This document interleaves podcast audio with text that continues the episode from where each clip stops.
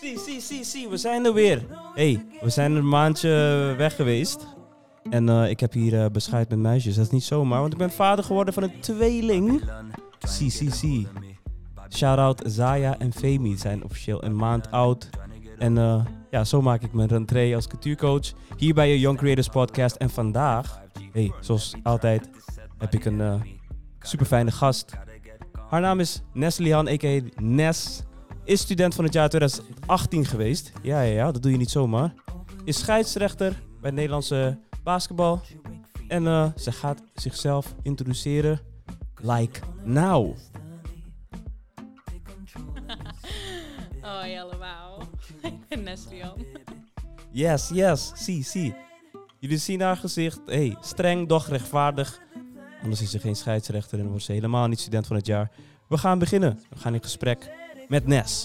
Maar eerst even vibe op mijn single. Die komt vrijdag 26 maart uit. Dus pre-save hem ook hier in de Young Creators. Link in de bio. Hey, support coach. En coach support jullie ook. Boom, boom. Hey, dit, dit is mijn stukje, dit is mijn stukje, dit is mijn stukje. Esta douche. Hey, shout out Jasmine Ann en uh, Major Dreamin. En Isobel die hebben mij allebei geholpen. Allebei, alle drie. Drie super artiesten hebben mij geholpen om deze dope track te maken. Zie, we gaan naar Neslian. Geboren getogen in Soest. Ja. Tell us. How's life been for you als Soester? Je bent, hier, je bent een van de day ones, de diehards. Ja, nou, ik heb er niet voor gekozen. Ik ben gewoon hier geboren en ik, ben, ik woon hier nog steeds, mijn hele leven lang destijds ook meegedraaid met Balans toen ik jong was. Dus echt mijn jeugd is hier ook, uh, ja. Hier bij Balans Jongerenwerk. Ja, dus Balans Jongerenwerk heeft een speciale plek in jouw hart. Ik help je, ik help je even oh, ja. Kijk, hier zijn we allemaal beginnend. ja, er is, er, is uh, niet echt een jongere podcast uh, in Soest geweest, maar die is nu en hier. En, we're gonna yeah, rock it. We're gonna rock it, man. We just rocking it. Dus yes. je zegt, ja, geboren en getogen in Soest. Mm -hmm. um, ja, gewoon zwak in je hart voor balans. Vertel ons, want je vertelde mij wat dingen over balans die ik niet, niet wist. Dat het balans bijvoorbeeld in een, in een flatgebouw, onder een flatgebouw zat. Klopt. Dus hoe, hoe, hoe heb jij de ontwikkelingen gezien van balans toen tot balans nu met een podcastapparaat? Ja, dat, ik denk ook dat dit echt voornamelijk is iets omdat we met de tijd meegaan. Hè? Want destijds, ja, toen ik uh, negen of tien was, wist ik niet eens wat een podcast was. dus ik bedoel, En uh, volgens mij weet, heeft iedereen tegenwoordig zo'n smartphone. En dan weten ze op Spotify wat ze moeten luisteren. Ja. Ja, maar uh, mijn balansdagen bestond voornamelijk uit uh, woensdagmiddag spelletjes, activiteiten of koken, cultuurmiddagjes, oh. film kijken. Dus dat was gewoon echt de... de the thing. Yes. The, thing. was er, want ik merk in mijn, ik werk nu anderhalf jaar hier. Mhm. Ik merk dat misschien balans anno nu toch wel een beetje een stempel heeft van dat jongeren met, met, met een rugzakje, dat, dat zij hier naartoe komen. Was dat in die tijd ook zo? Of was zo het gewoon... heb ik het echt nooit ervaren. Dat is mooi. Dit balans was echt uh, een woensdagmiddagactiviteit waar alle kinderen uit de hele buurt gewoon bij elkaar kwamen. Maakt niet uit of je... Uit Dalweg ja, kwam nee, of precies. We waren gewoon met z'n allen aan het spelen. Okay. Niks met een rugzakje te maken, echt niet. Dat is nice, man. Oké. Hoe kunnen we daar naar terug? Want eigenlijk, ik vind dat een beetje... Ik vind dat persoonlijk een beetje vervelend, dat, dat balans somehow... Ik weet niet wanneer dat is gebeurd, maar dat, dat er wel zo'n beetje zo'n stempel is gekomen van... Ja, ik ga daar niet heen, want dan krijg je met bepaalde type jongeren te maken. I don't know. Ik heb eigenlijk... Uh, ik volg jullie ook op social media en dergelijke. En ik heb eigenlijk nooit die overgang gezien van een normale... Uh, normaal ja, jong kind dat is overgegaan naar iemand met een rugzakje. Mhm. Dus um, ja, ik, ik heb het zelf nooit gezien, ook niet ervaren destijds. Maar hoe je eventueel terug zou gaan, kunnen gaan. Ja, de belevingswereld van jongeren tegenwoordig is zo anders. Ik, yeah, ik als docent, ik, ik heb zelfs moeite om te schakelen af en toe naar de levenswereld van mijn, uh, levenswereld van mijn studenten. En denk ik van, oh ja. En jij bent zelf hartstikke zo jong. Zo hard, ja. en ik ben pas 21, dus... Ja, um, ja ik denk dat het- voor jullie lijkt het heel, ja, het is heel erg lastig voor jullie dat jullie constant hè, met de tijd moeten meedraaien en moeten anticiperen op wat, wat de jongeren verwachten. Maar dan is ook de vraag van willen zij, willen zij het wel? Want Ja, wat ik ervaar of zie is voornamelijk, hè, jongeren tegenwoordig zijn allemaal macho's, zijn allemaal heel stoer. En misschien vinden ze dit dan weer niet passen bij hun eh, imago. Of Misschien willen ze geen roze op hun meisjes. Pink is cool. Mm. Maar, ehm, ik zit even te denken. Ja, die belevingswereld van de jongeren, zoals je zegt, dat is, het is echt eigenlijk moeilijk om bij te benen wat ze willen. Want vandaag willen ze iets. Vandaag is het Snapchat en morgen is het TikTok en dansen. Ehm, wat voor mij werkt, is dialoog voeren. Dus constant in dialoog met de jongeren. Dus wat wil je vandaag? en probeer dat wat ze vandaag willen zo snel mogelijk te realiseren. Voordat ze zich bedenken. Mhm. Hoe ga jij daarmee om als docent? Want je bent docent. Dus voor de mensen die het niet weten, docent wat? Docent, docent en opleiding, omgangskunde. Omgangskunde. Ja, dus, eh, ja, dit is ook echt wel een vakgebied met mensen omgaan. Vind ik ook hartstikke leuk overigens. Ehm, hoe ik daarmee omga met eh, de behoeftes van de studenten elke dag. Ja, wat ik heb geleerd is dat storingen voorrang hebben. En dat vraag, daar, ga ik, daar sta ik ook altijd bij stil, voorafgaand mijn les. Hè? Ja. Hoe voel jij je vandaag en waar heb jij behoefte aan? Eh, of is er iets gebeurd waarvan ik op de hoogte moet zijn? Is er iets wat je gaat doen waar je naar uitkijkt? Mhm. Of helemaal niet? Mhm. Want als studenten ten eerste de veiligheid ervaren om dit met je te delen, ehm, kan, jij, kan ik er ook op inspelen. Inspelen, ja. Ja, en ehm, stel voor, hè, we, ik neem nu de verkiezingen als voorbeeld. Dat is nu recent heel. Mhm. Is gewoon iets wat ook op social media heel erg speelt. Mhm. En als ik dan aan de voorafgaande les ga vragen van... hey jongens, hoe zitten jullie erbij? Is er iets wat ik moet weten? En ja, de verkiezingen die komen op, dan ga ik niet zeggen... oh ja, leuk, en dan ga ik verder met mijn les. Blijkbaar hebben ze dan de Behoefte behoefte eraan om erover te spreken... om erover te discussiëren met anderen, weet je wel? Mhm. Dus dan, dan moet je eigenlijk een beetje op je gevoel afgaan... en dan denken van, oké, ik ga hier even bij stilstaan. En dan, dan skip je maar een deel van je les... om de behoeftes van de studenten te vervullen. Van, dat, zij moeten ook erkenning ervaren. Ja. Ze mogen er ook zijn. En dan als het gaat door middel van het bespreken van de politiek in dit geval, Ja. ja, dan doe je dat. Hoop. Ja. Nee, dat is... Ik, wil, ik ben een maand weg geweest. Ik moet even kijken welke knop het ook alweer deed. Het was... Dankjewel. Dus wat ik haal als tip voor ons als culturele instellingen en jongere organisaties echt ehm, luister naar de behoeften van de jongeren. Geef, geef ze een platform. Dus altijd peilen. En Anna is altijd navragen, nooit echt aannemen dat ze iets willen. Klopt. Maar ik denk dat hier het belangrijkste is dat je niet moet vragen wat de behoeftes zijn, maar dat je eerst voor de veiligheid moet gaan zorgen. Juist. Oeh. Want als de veiligheid er niet is, dan kan je honderd keer vragen wat er aan de hand is, maar dat antwoord die komt er dan niet. En hoe kunnen wij zorgen voor deze veiligheid? Dat is, dat is een mooie.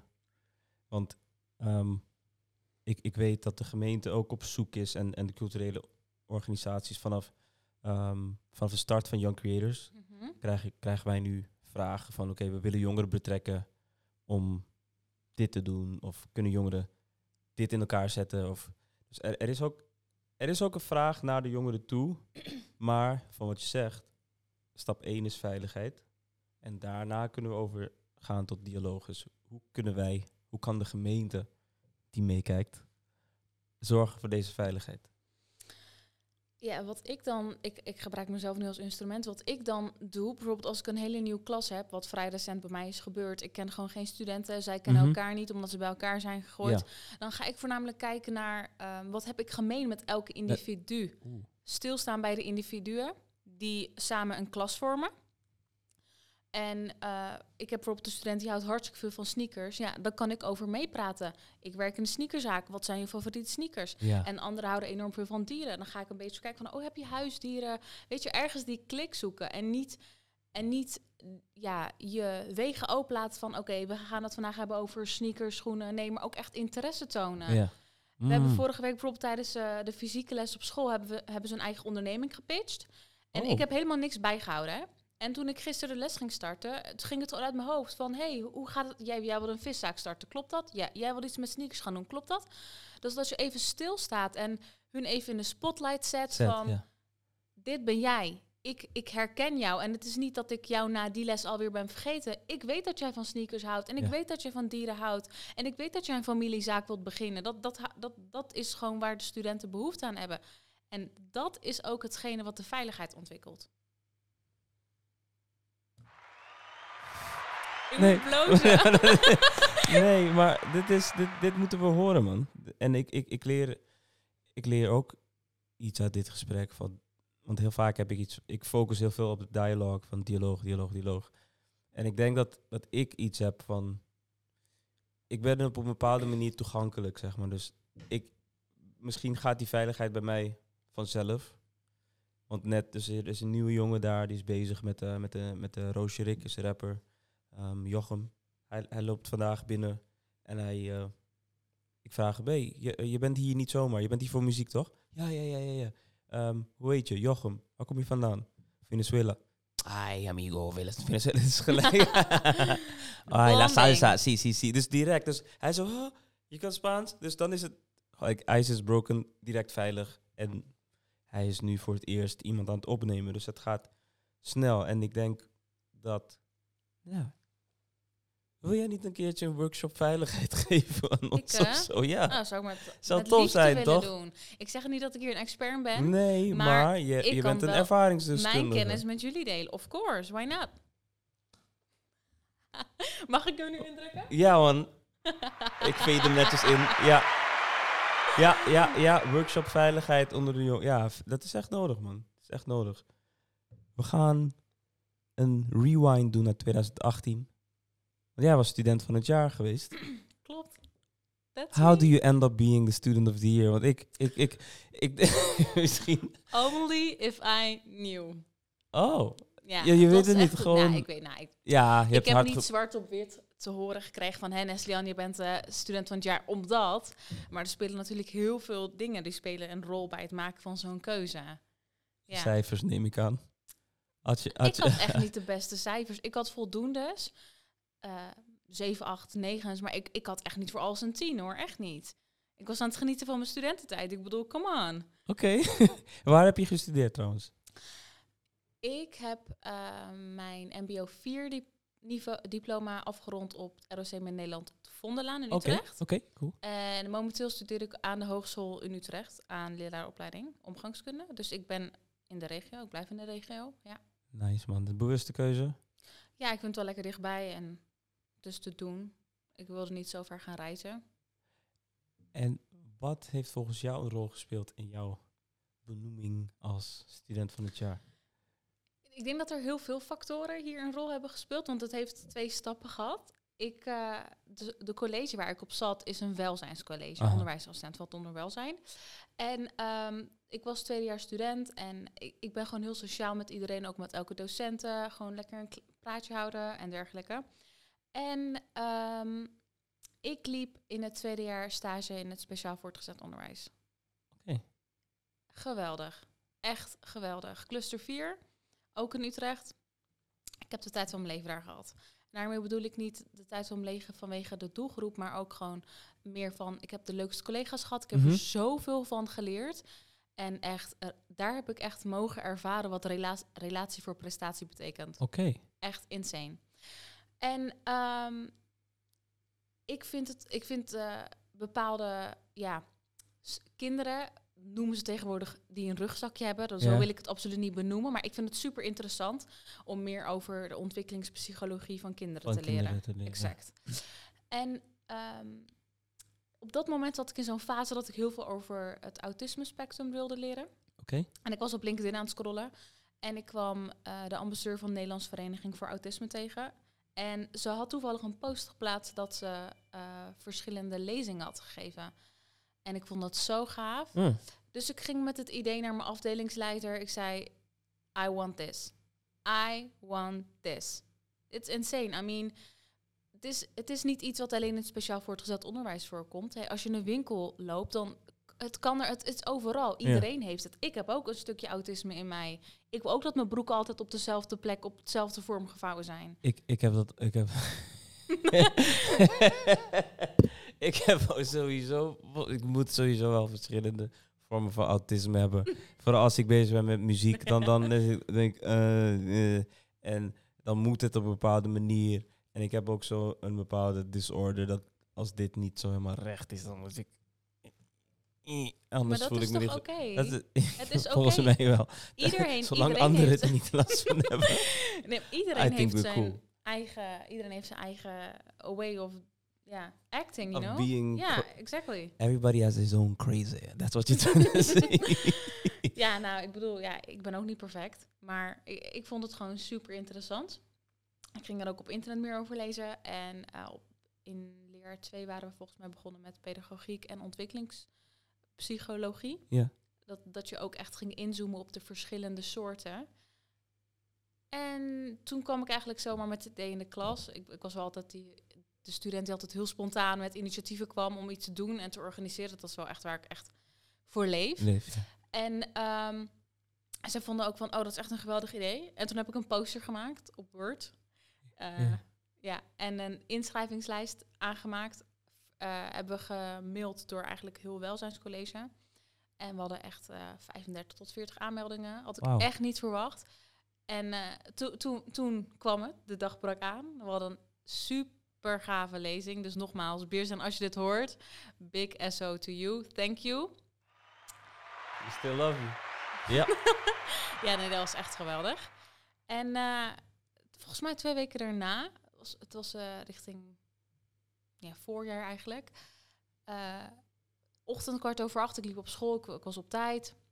Dus ik dacht, ik ga wel even naar mijn lokaal lopen, wachten voor de deur tot de deur open gaat. kwam mijn eh, afdelingsmanager naar me toe en die, nam me mee naar een lokaal. Die zei, Nestie, ik moet je wat vragen. Ik zeg, oh ja, you know, what's happening? Something wrong? En hij zei, wat zou je ervan vinden als wij jou. ehm, ik ben even het woord kwijt. Als wij jou als uitblinker van het welzijncollege gaan nomineren. En dat vroegen ze wat vind jij ervan? Ja, En je bent like, nah. super nonchalant. yes. ja. Yes. Eh, nee, ik, ik stond er echt met gewoon een glimlach tot aan mijn oren. Ja. Wat is het over, over, wat overkomt mij nou? Ja, en ik dacht, ja, doen, dat doen. De, deze kans Ja, grijp ik gewoon. grijp je gewoon met, ja. En eh, achteraf heb ik dus gehoord dat hij ondertussen al bij een aantal collega's had gevraagd van oké, wat voor student is dit? En eh, want hij had mij maar één keer echt gesproken, op dat moment. ja. En eh, zo, zodoende is het eigenlijk, ben ik toen eigenlijk vanuit het welzijncollege eh, ja, genomineerd. En dan kom je dus met een hele groep 18 studenten bij elkaar van verschillende colleges, die ook allemaal genomineerd waren. Ik had een hartstikke leuke groep, echt superleuke studenten. En daar begon eigenlijk de challenge. We moesten eh, jezelf gaan promoten. Wie ben je? Wat doe je? En er was ook een hele leuke site. Hadden mijn docenten wat over mij geschreven. Dat was echt super, super gaaf. Eigenlijk een soort van mini-verkiezing of zo. Het, was, het was een verkiezing. Want uiteindelijk moesten mensen online op mij gaan stemmen. Mhm. Of op de andere 17 studenten, of course. Ja, ja. Ehm, en tijdens de dag van het gala werd er ook nog live gestemd. Dus de online Oh. stemmingen plus de live De stemmingen. Oh, werden bij elkaar ehm, opgeteld. opgeteld. En eh er stijgen op het podium heel, ja, Gewoon, ja. probeer te doen alsof er niks aan de hand is. Oh, dit is al Spanningen cool. een beetje. I'm Ik, was nog, ik weet nog, ik was met eh, een eh, vriend van mij, zaten we op, stonden we op het podium. En we waren gewoon heel aan het doen alsof we er niet waren. Niet wa- omdat je die zenuwen, die wilde je een beetje uitstellen, toch? Dus we waren aan het lachen. En eh, ik- mijn naam werd ineens geroepen. En ik dacht echt, wat overkomt Wat mij? even. Ja, ik heb ook hele mooie foto's van dat moment eigenlijk. Dat je eigenlijk mij ziet vol verbazing van... Is this even real? Heb jij die foto's ergens? Ik heb ze ergens. Ik, ik We ga, gaan ik Ga proberen ze ze erin te monteren, zodat die foto zo naar, op je afkomt. Ja, nee, echt super gaaf. Lijkt me echt cool, ja. En daar begon het eigenlijk allemaal. Want eh, ik, werd toen ja, ik, ben, ik werd toen student van het jaar. Echt great, awesome, superleuk. En dat was eigenlijk wel de start van, ehm, ja, de, de opening van een nieuwe wereld voor mij. Juist, ik wilde je net vragen, want wat heeft dat voor jou betekend? Ik I mean, student van het jaar, ehm, waarschijnlijk kom je in de krant. Ehm, andere studenten kijken misschien een beetje sche- schijn- scheef naar Ik je. had, toen- ik had gelukkig hele leuke klasgenoten die ook op de dag van het gala aanwezig waren. Die en je ook voluit hebben gejuicht toen ze, toen ze ehm, hoorden dat ik student van het jaar was. Dus, eh, hier een big shout-out naar jullie. En ik het hou klonk- van het jullie nog zo. steeds. Zeker.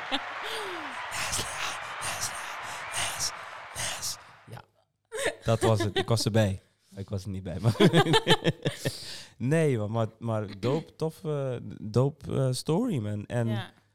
nou, ik, ik heb ook een beetje spanning in mijn buik, want ik ben namelijk geno- ook genomineerd voor wat anders. Niet voor student van het jaar. Mhm. Dat is niet echt mijn, dat is niet echt mijn ding. is te makkelijk voor mij.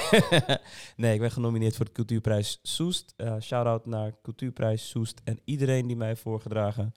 Um, feels good om een van de, ja, uit 34 organisaties, een van de vijf te zijn die genomineerd is. Mede dankzij ook de Young Creators Podcast en wat we allemaal aan het doen zijn. Geniet ervan. Shout-out, eh, ja, I'm Geniet van enjoying deze it. periode. Echt waar. I'm enjoying it. En, you know, win or lose, ik ben, voor mij is het al een win Zeker. om... uh, dus gewoon even een positieve boost die je nodig had. Ja, man, ik doe dit maar één jaar en zeven maanden. En nu al, you know, tussen organisaties als eh, IDEA. En, en it, it means a lot to me, man. En dat vooral anderen mij hebben voorgedragen. En ook hebben gezegd wat deze regeling voor ze, voor ze betekent. Dus mad shout-out en love to jullie allemaal.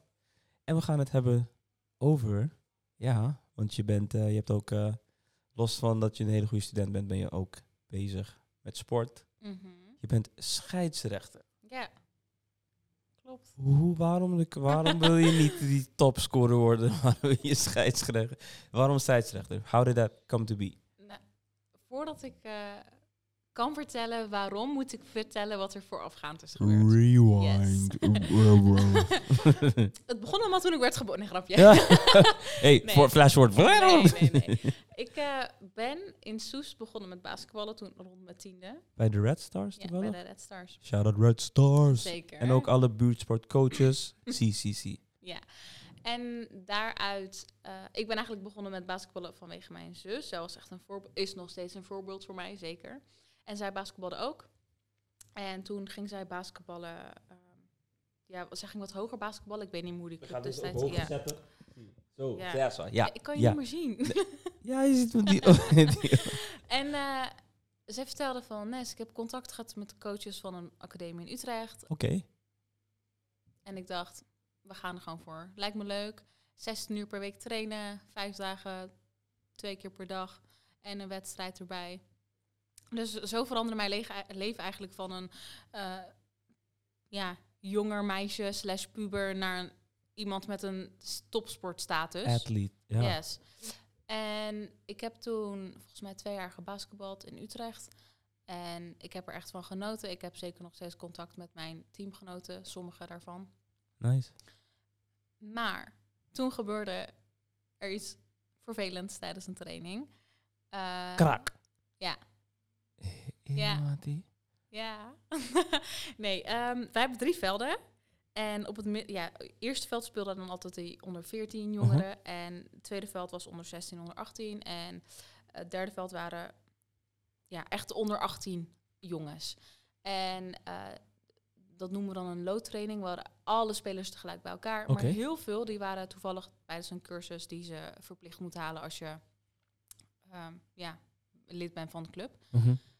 En toen gingen we een partijvorm spelen en ik moest dan naar het derde veld. En tijdens het rebounden van een bal, ik kan het me heel wazig herinneren nog hoor. Tijdens het rebounden van een bal gleed mijn voet uit. Nee, mijn voet bleef staan, mijn knie draaide. Ja, en toen rolde ik eigenlijk heel hard tegen de muur en ik voelde op dat moment al, eh, ik voelde gewoon iets gewoon heel hard gewoon kapot gaan. Gewoon, het ging gewoon kapot. Ja, kan niet beter beschrijven. En toen dacht ik, al, oké, dit is foute boel. Toen kwamen coaches naar me toe en dus toen ben ik eigenlijk naar het ziekenhuis gegaan. Drukverband, foto's, Mhm. gescheurde kruisbanden. Yes. Dat, nou, dat, dat, dat was het. En toen soort van voor mij echt gewoon, ja, gewoon zo'n hit in mijn face van, oké, it's done. Ik echt uit- dan ja, dan, ja. dus dat je niet meer Nee, kunt... ik heb daarna nog wel gebasketbald. Na mijn operatie heb ik nog wel in Amersfoort een jaartje gebasketbald bij Ja. Cracker Jacks. Alleen ik, ik vond het toen... Ik, ik, ik vond het gewoon niet meer zo leuk als vroeger. Voor, als voor de blessure Ja. bedoel je? Want toen was het echt gewoon bal is live. Gewoon Ja. elke dag, die Snap hard, weet je wel. En eh, toen begon ik ook meer van, oké, wat wil ik nu in mijn puberteit gaan doen? Toen was ik 16, 17, 18, zoiets. En bij de Cracker Jacks werd er toen een scheidsrechterscursus eigenlijk eh, georganiseerd. Mhm. Je hebt drie F en... Nee, dat is Nederlands. Ik, je hebt de drie en een vier licentie. Mhm, mhm. En eh, Marco die zei tegen mij, lijkt het je wat? En inmiddels was mijn zus ook scheidsrechter, hè? En Oh. ik dacht, eh, ja, je rol, maar ja. waarom niet? Gewoon doen. Ik heb Let's eigenlijk helemaal niet bij stilgestaan van wat, wat ik eigenlijk daarna moest doen. Maar ik dacht, we gaan er gewoon voor, iets leuks. En toen heb ik een cursus gedaan, heb mijn diploma gekregen en ben toen eigenlijk vrijwel snel gestart met het fluiten in de competitie. En toen snakte ik eigenlijk naar meer. En toen heb ik gelijk ook de BS4-opleiding gedaan. En dat was dan zeg maar dat je landelijk mag fluiten. Ja. En dat doe ik nu volgens mij al twee, drie jaar, denk ik. Ik weet het echt niet meer. Ehm, maar ik fluit voornamelijk eh, ja, onder 21, onder 22 mannen eerste divisie vrouwenwedstrijden. Superleuk. Je fluit gewoon alles. Dus ik wilde je net vragen, Ik wat, is, is, er, is er een segregation ding? ja, dat of- is er wel, ja. Ik fluit geen DBL en geen VBL. Dat, is dan, dat zijn dus aparte leagues van elkaar. ja? Ja. Maar ik zit daar zeg maar een soort van tussenin. maar ik heb het naar mijn zin. Dus ik bedoel, ik hoef ook niet per se de top te behalen. Als ik, als ik mijn voldoening hieruit haal, waarom niet? Ja. En wat is de voldoening dat je haalt uit een wedstrijd fluiten, man? Wat is dat? Wat is dat? Want ik, eh, nou, ik, ik- nou, over raakvlakken gesproken, ik heb zelf ook ehm, ja, topsport gedaan, ho- honkbal op Bonaire. En net als jij gewoon tak. Ik kreeg een blessure aan mijn hamstring toen ik probeerde te rennen van eh home plate naar first base. Ik was, ik was super snel, maar dus ik ging, ik, zoals normaal, gewoon heel hard sprinten. En ik bij mijn eerste setup was gewoon, het gewoon in mijn hamstring momenteel. tak. Ja, En dat, maar dan denk je van, hey, this is not supposed to sound like that. nou. En opeens, ik merkte dat ik langzaam ging. Dus toen Mhm. keek ik dus mijn been ging gewoon nog achter. En dat was, ja, End of the game. ja, end of the game. En toen was het heel kort daarna ook end of baseball. Want ik was twee jaar achter elkaar tweede plaats. En die blessure nog. Had ik iets van, ik ga drummen man in de kerk. Dan raak ik tenminste altijd iets, you know. Dus, dus even kijken, is dit, is dit, is dit die? Waar waar is die, waar is mijn knop? Oh, niet deze, deze. Nee, dit is hem niet. Deze. Mm, zie je, drummen. Ja, daar raak je altijd iets. Dat is een goede, goede overstap. Ja. maar voldoening. Dus ik, ik haal nu vo- voldoening uit muziek maken. Mhm. Want dezelfde discipline die ik had als baseballplayer heb ik nu ook als muzikant. Like, music is life, man, to me. En dat scheidt als hoe? Ja, ik zeg niet dat scheidsrechten mijn leven is. Maar het is wel iets wat mij, mij maakt. Ja. Want eh, ten eerste, it's a way of staying in touch with the sport. Mhm. eh, omdat ik het niet meer speel. Maar aan de andere kant is het ook weer iets waar je gaat socializen met mensen. Je komt heel veel verschillende soorten mensen tegen. eh, collega's uit het hele land, maar ook spelers. Ehm, en ook, op, zeg maar, ook als, in mijn rol als scheidsrechter ben ik ook voornamelijk bezig met het omgangskundige. Ja. naar de spelers en de I coaches. En I got you.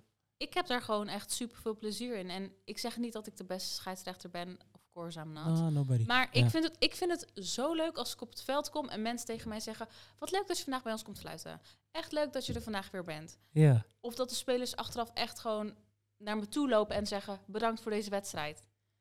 I- In plaats van zo'n standaard talk van bedankt, ref, weet je wel? Dank, Ref. Ja, Of, hallo Ref! exactly. oh? Eh, Eh, Die eh, mensen zullen er natuurlijk ook wel bij zitten, maar dat, dat is ook iets waar... En buiten het feit dat ik er voldoening uit haal, leer ik er ook enorm veel van, hè? mhm. Ik leer hoe ik met mensen moet omgaan, want stel voor je bent een coach die langs de zijlijn staat te schreeuwen. Dat is gewoon een challenge voor mij, hoe ik moet leren Daarmee om te gaan met mensen. Ja, man. Wauw, man. Dus eigenlijk is die de hele scheidsrechterstaf is gewoon een playground letterlijk voor jou om Gewoon mensenkennis, man. Ja. Want mensen, echt leuk. mensen, ja, heel vaak zien we, we- zien inderdaad zwart-witte shirt. Ik weet niet of jullie andere kleuren hebben. Oranje. Oranje, sorry, oranje. ik moet een keer komen kijken. Je ziet oranje is niet meer die oranje, alleen die oranje shirt. Het is gewoon een hele psychology en, en, en, en, en ja, man. Voor mij wel. En dat kan natuurlijk voor elke individu anders zijn. Anders hè. zijn. Ik, heb ook, eh, ik ken ook heel veel scheidsrechters die heel goed zijn en die gewoon een beroep hiervan maken. Prima. Als jij dat wil, dan doe je dat. Maar voor mij is het gewoon meer de omgang met mensen, het plezier hebben van het begeleiden van de leuke wedstrijden. Af en toe een dunk hier, een blok, blok daar. Dat is echt leuk. Nee. Bam. Shack in the building. Nee, ik vind ja, het super inspirerend om, om te horen hoe eigenlijk je pretty bewust. Je bent bewust van wat je doet. Nou, niet, in het, niet zozeer in het begin, maar nadat ik echt een beetje door had wie ik was. Ik had mijn eigen identiteit ontwikkeld van, oké, dit wil ik doen, dit is mijn passie. Toen begonnen de puzzelstukjes, zeg maar, op, op, op een plaats te vallen van, oké, dit heeft allemaal iets met elkaar te maken. Mijn werk, mijn beroep, eh, mijn, mijn hobby, mijn sport, hoe ik ben. Dit heeft gewoon, het zijn allemaal gewoon van die, ja, puzzelstukjes die bij elkaar passen. Nou, we gaan het hebben over. Ik wil je een paar dilemma's presenteren. Oké. En daarna gaan we afsluiten met jouw tip hoe jongeren hun identiteit kunnen vinden. Want jij hebt in ieder geval grotendeels je identiteit gevonden. Ik bedoel, elke dag Mhm. leren we meer, maar je bent op een punt waarbij je kunt zeggen van, maybe you should try this. Dilemma nummer 1. Basketballen met één hand of voetballen met één been? Ehm, wow. Basketballen, basketballen met één Rewind. hand. Eh, of voetballen met één been. Basketballen met één hand natuurlijk. You sure? I am. Basketballen met één been. Jullie mogen in de comments zetten welke... Basketballen met één hand. Dat was toch je ah, ding? ja, sorry. Re- rewind. Re- basketballen met één hand. Dat is wat Nes zou kiezen. Wat kiezen jullie? Let us know in de comments. Dilemma nummer twee. Geblinddoekt golf spelen of banen zwemmen in pudding? Eh geblinddoekt golf spelen. Heb je ooit gegolfd? Uh, I've tried minigolf. Oké, mijn zus golft ook. Oh, dus dat doe je. nee, ik doe dat niet. Ik doe dat niet. Maar ik heb natuurlijk af en toe wel gewoon vaker tegen zo'n golfballetje aangeslagen. Moet je een keer proberen. Gewoon echt heel hard, met al je, met al je kracht. Zo fijn. En dan maakt het niet... Ik, ik kan niet goed eh, richten. Ik weet Richten? niet hoe het spelletje gaat om die- golf gaat. Maar gewoon, gewoon die bal gewoon weg. Heerlijk. Ik, daar zou ik echt voor kiezen. Je bent volgens mij alleen vies van pudding. Kijk, ik kan sowieso, als ik in normaal water zwem, dan heb ik af en toe het gevoel dat ik I'm drowning. Oh, Laat nee, staan een met pudding. pudding wordt helemaal niks. nee. Nee. Dan moet ik even een laatste dilemma verzinnen. Mm, mm, mm. Even denken. Tennis spelen met een zo'n hockeystick. Of even denken. Ik ben echt benieuwd met wat je nu gaat komen, aangezien je tennis met een hockeystick tennis, met de, tennis met de hockeystick. Of. Hmm. Dit, is, dit is een lastige. Hmm. Even denken, even denken, even denken. Wat kan ik? Think out of the box. Ja, ik probeer echt out of the box te denken. Iets misschien zonder sport? Hmm. Zonder sport. Laten we hebben iets over onderwijs dan. Iets over onderwijs. Hmm. Blijven zitten met je beste vriend. of een project van een half jaar met een persoon waar je echt geen klik mee hebt. Oh, die- deze is wel lastig. ik wilde eigenlijk bijna al gelijk zeggen, blijf zitten met je beste vriend. Dat is mij namelijk ook overkomen. I mean, eh, ja. binnen- Maar ik denk... Ik denk niet dat je... Je zei iemand waar je geen klik mee hebt? gewoon je arch enemy gewoon daar een project mee moeten doen? Ja, ik denk aan de ene kant dat ik toch wel zou proberen te investeren in de relatie puur voor het project. Maar nee, ik denk dat ik toch voor het project zou kiezen. Waarom? Omdat je samen aan een doel gaat werken. En het is niet dat we, dat, dat we aan elkaar gaan werken. Ik bedoel, het is niet de bedoeling dat wij na deze zes maanden beste vrienden worden. Nee. Het doel is dat we na die zes maanden een geweldig project hebben neergezet. Onze kwaliteiten daarin hebben verwerkt. En voldoende hiervoor halen. En dan, dan is het prima wat mij betreft dat we elkaar niet meer spreken. Als dat project er maar staat. Ik heb je deze vraag gesteld om achter te komen hoe je dingen balance, zeg maar. De mens, de goal, dus is iets wat moet gebeuren, daar ben je qua studie afhankelijk van. Ja, dat is, dat is dit, is, dit is toch ook iets. eh, ja, dit is niet echt een dilemma waar je voor kiest, maar dit kiest. Dit is toch iets wat in het leven gebeurt. het gebeurt gewoon deze. Je krijgt gewoon een, zo'n, zo'n tegenslag en dan moet je mee dealen, met de situatie gaan dealen. Ik bedoel, hoeveel tegenslagen? Ja, ik zeg niet dat ik dan ja, de ergste dingen heb meegemaakt, maar ik heb natuurlijk ook tegenslagen mee gehad. Hè. Ik ben geopereerd, ik heb mijn examens in het VMBO niet gehaald. Ik had, ik had een identiteitscrisis. Wie ben ik? Wat, wat doe ik? En look at me now. I reached my goal. Camina. Ching. Oh, these 2020 kids won't know. Ja, en eh, we gaan afsluiten met een laatste tip van jou. Nes, dankjewel dat je bent gekomen. Short, such a short notice.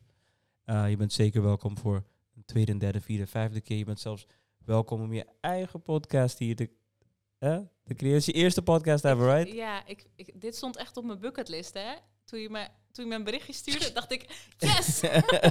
maar ik vind het wel leuk om in zo'n microfoontje te spreken, dus I mean, why not? Ja. En je bent er, je bent, ja, je het gewoon goed gedaan, joh. Voor de eerste, hè? Van de bucketlist. Je bent een goal-getter en eigenlijk willen wij van jou graag weten hoe de jongeren zichzelf kunnen vinden en, know, find their passion. Wat ik, wat, welke boodschap ik mee zou geven aan de jongeren is: doe iets waar je plezier van krijgt. Iets wat je met plezier doet. Dat herken ik ook echt in mijn, in mijn eigen ontwikkeling. Dat ik nu dingen doe waar ik gewoon met e- plezier naartoe ga, naar werk, naar mijn stage, naar school. En met plezier thuis kom. Mhm. Mhm. Echt, als je, als je mij ziet hoe, hoe- hoe ik ben op de werkvloer, omdat ik het naar mijn zin heb, dat is echt gewoon zoiets anders dan iets doen omdat het moet. Het is gewoon intrinsieke motivatie. Ga zoeken naar iets waar je intrinsieke motivatie voor hebt. En hoe vind je intrinsieke motivatie? Is het iets wat je, zoals in mijn geval, ik kon het pas achteraf, dus connecting the dots backwards. Wat vond ik leuk toen ik op de middelbare school zat? Wat vond ik leuk toen ik vijf was? En eigenlijk als ik alles ga optellen bij elkaar, ben ik gewoon altijd een cultuurcoach geweest. Of iemand die jongeren helpt. eh, ehm, help young people imagine things die er niet zijn. Oké, ik wil een podcast creëren. Mhm. Wat is daarvoor nodig? Let's go get it. Boom, het is er. We willen videoclips kunnen schieten. Oké, we hebben een cameraatje nodig. Eh, we hebben video editing software nodig. Kijk naar YouTube hoe het werkt. Let's go. Bam. En eigenlijk doe ik dat vanaf van kind af aan, joh. Dus ik, wil, ik, ik zag Queen op televisie. Ik wil gitaar leren spelen. Grew up. Know how to play guitar, man. Dus hoe... How do you make that happen? De intrinsieke motivatie. Ja. Ja, ik denk dat je, wat jij zegt, is een heel goed, heel mooi voorbeeld. Want het is gewoon iets wat jij eh, altijd in je hebt gehad. En nu weet je hoe je dat eh, kunt vervullen en de eh, diensten kunt verlenen aan andere mensen.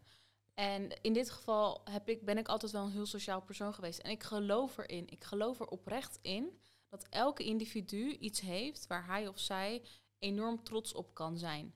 Gewoon in de kern van Mhm. zijn of haar hart Ja. desondanks te zeggen, nee, ik ben er niet trots op. Ik, ik weet het gewoon. Hè? Ja. Als je gewoon die maskers gaat ont, ontmaskeren, Ja. die lagen, dan kom je in de kern waar gewoon je trots op moet zijn. En daar moet je op bouwen. Je moet er echt op gaan bouwen.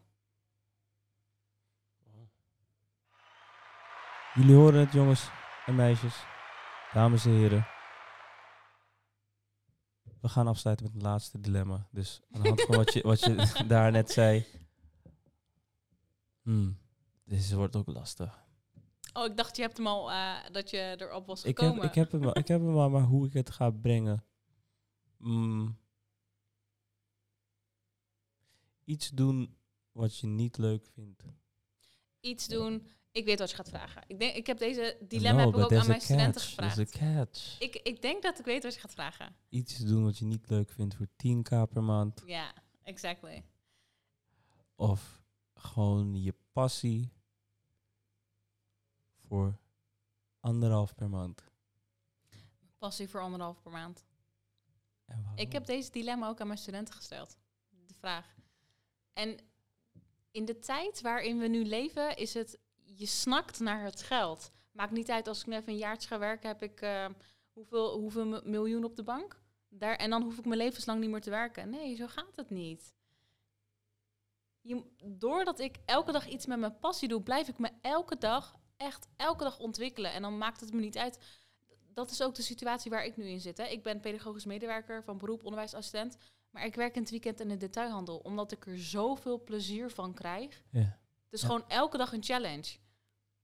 Dus ik zou zeker kiezen voor mijn passie met anderhalf. Ja, echt. En ik eh, sta er 100% achter. Ja. En, En- soms moet je dat gewoon even meemaken. Je moet het meemaken, want geld betekent echt niet alles. Het is En- een middel Ja, het is die een we middel. nodig hebben. Ja. But don't be a mouse chasing it like cheese. mhm. Hey, dit was jullie Young Creators Podcast. We gaan weer eens even afsluiten met een liedje. We gaan eventjes naar Curaçao. Ben je ooit op Oh, Curaçao geweest? Ja. Je bent inderdaad... Ja, I saw Ja, your Instagram, man. course. ja. Ja. Ja, ja, ja. We gaan eventjes naar Curaçao. Niet met deze, want de echte komt eraan. Deze single heet Let It Go. Die eh, komt volgende week vrijdag uit. Mijn Come to My Island EP. En nu, hè? Nu gaan we over naar Come to My Island. Ben je klaar? Heb je je boarding pass? Ladies and gentlemen, Ik, it's, it's been ready since yesterday. we're gonna go. Ladies and gentlemen, this is Come to My Island.